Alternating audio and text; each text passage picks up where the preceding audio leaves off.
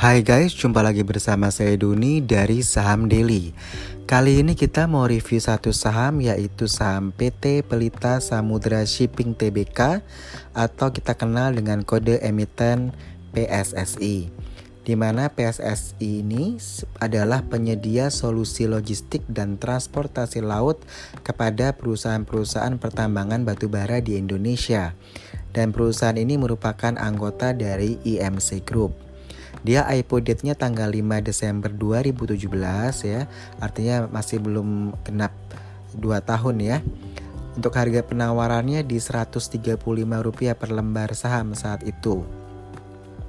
Untuk pemegang sahamnya sendiri 47,16% dikuasai oleh PT Indo Prima Marine, lalu 29,20% dikuasai oleh Kendilo Pte Ltd, lalu 15,58% dikuasai dikuasai oleh pabrik, 8 persennya dikuasai oleh PT Bio Permai. Untuk kinerja tahun 2018 kita lihat master data kita, oke. Okay. Untuk 2018 ini revenue-nya itu naik 39% dari 664 miliar ke 920 miliar.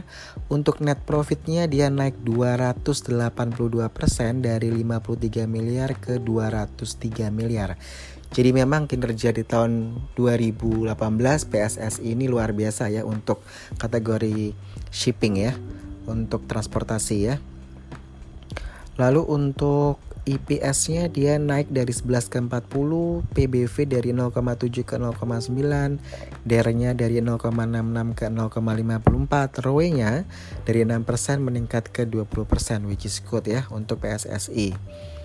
Kita lihat uh, untuk 2019. Oke. Okay. Untuk kuartal 1 2019, uh, PSS ini mencatatkan pendapatan sebesar 17,7 juta US dollar ya. Artinya naik 9% year on year dari 16,2 juta US dollar. Nah, kinerja positif ini didorong oleh kenaikan volume di lini bisnis baru perusahaan yaitu segmen mother vessel atau MV ya jadi di kuartal 1 2019 ini segmen tersebut berkontribusi 250 ribu, saya ulangi 250 ribu metrik ton dari keseluruhan volume sebesar 7,8 juta metrik ton. Dan total kapasitas pengangkutan MV di kuartal 1 2019 ini tercatat sebesar 174.600 DWT naik dari 31.000 DWT di periode yang sama di tahun sebelumnya ya. Nah, PSS ini juga baru menyelesaikan transaksi pembelian kapal MV kelas Handysize ya, sehingga total kapal MV perusahaan saat ini tercatat sebanyak 5 unit. Nah, sementara laba komprehensif perusahaan di kuartal 1 2019 itu tercatat sebesar 2,2 juta US dollar atau turun 15% year on year dari 2,6 juta US dollar. Nah, penurunan tersebut disebabkan oleh uh, beban pokok pendapatan ya. Lalu dia juga memperoleh fasilitas pinjaman jangka pendek ya senilai 10 juta US dollar. Ini untuk ekspansi armada kapal kargo. Jadi fasilitas pinjaman ini diperoleh dari Citibank ya dengan tenor satu tahun tanpa agunan. Nah, PSS ini telah menyelesaikan pembelian satu unit kapal MV General Cargo yang dinamakan Dewi Regina Manggala. Itu kisaran senilai 8 juta US dollar ya. Nah, di sini dibeli untuk memperkuat lini usaha logistik pengangkutan hasil tambang ya. Saat ini total kapal yang tadi saya bilang kapal kargo mother vessel MV itu yang dimiliki oleh PSSI kan tadi 5 unit ya.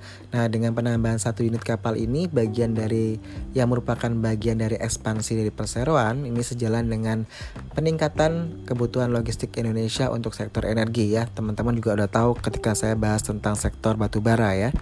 Tentu kalau batu bara ya dia butuh uh, kapal untuk mengangkutnya ya sehingga PSSI mengisi kebutuhan di situ ya. Nah, dalam pembelian kapal yang tadi saya bilang MV itu, PSS ini menggunakan sebagian kas internal dan fasilitas kredit dari perbankan ya. 30%-nya kas eh, perseroan dan 70% dari hutang bank. Jadi saya ulangi ya, 30% kas perseroan dan 70% dari hutang bank. Nah, PSSI ini sendiri optimis ya bahwa dengan penambahan unit kapal ini dapat mendorong peningkatan pendapatan PSSI gitu ya. Di, pada kuartal pertama tahun ini PSSI kan tadi mengantongi pendapatan sebesar 17,7 juta ya, tumbuh 9% dari kuartal yang sama tahun sebelumnya begitu. Lalu PSSI ini juga mengantongi kontrak pengangkutan alumina di Kalimantan Barat ke Sumatera Utara ya dengan kapasitas 31.000 deadweight ton. Untuk dividen PSSI membagikan dividen tunai ya senilai 4,2 juta US dollar atau sekitar 30% dari total laba bersihnya pada tahun 2018. Nah, memang kalau dibilang kinerja PSSI saya bilang 2018 oke, okay, 2019 tidak mengecewakan ya.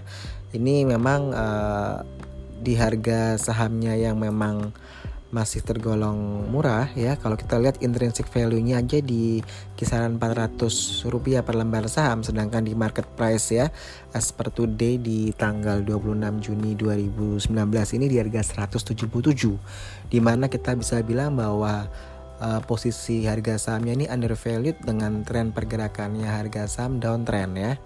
Seperti itu Lalu untuk komparasi uh, dengan uh, sektor yang sejenis ya di transportasi laut ini ada MBSS yaitu PT Mitra Bahtera Segera Sejati TBK, lalu ada WINS ya PT Wintermar Offshore Marine TBK, lalu ada SHIP ya PT Silo Maritim Perdana TBK. Jadi saya ulangi ya ada MB, MBSS, ada WINS, ada SHIP.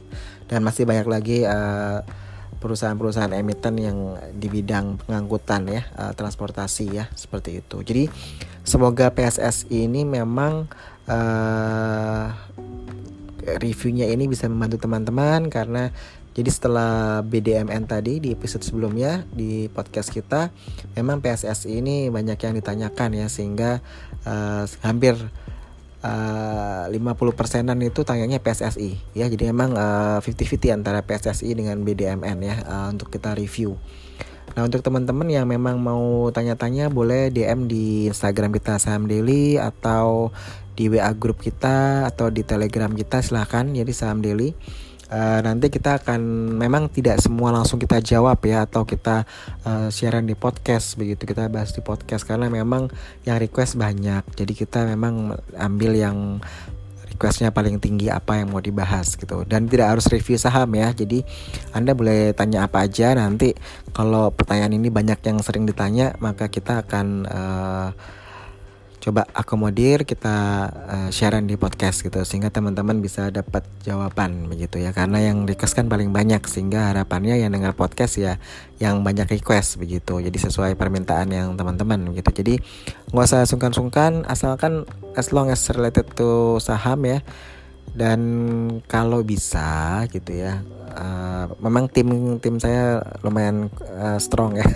Mereka kadang suka sebel kalau yang nanyanya itu sebenarnya harusnya bisa di Google sebenarnya. Cuman terlalu manja tanya ini tanya itu. Tapi karena kan yang tanya banyak ya. Kalau bisa tanyanya yang efektif tanyanya yang mungkin memang uh, pertanyaan-pertanyaan yang memang susah gitu. Atau memang membutuhkan review atau analisa yang lebih mendalam. Jadi silakan bertanya jadi selama itu hubungan dengan saham dan kita lihat memang banyak yang request uh, topik yang sama, pasti akan kita share di podcast kita.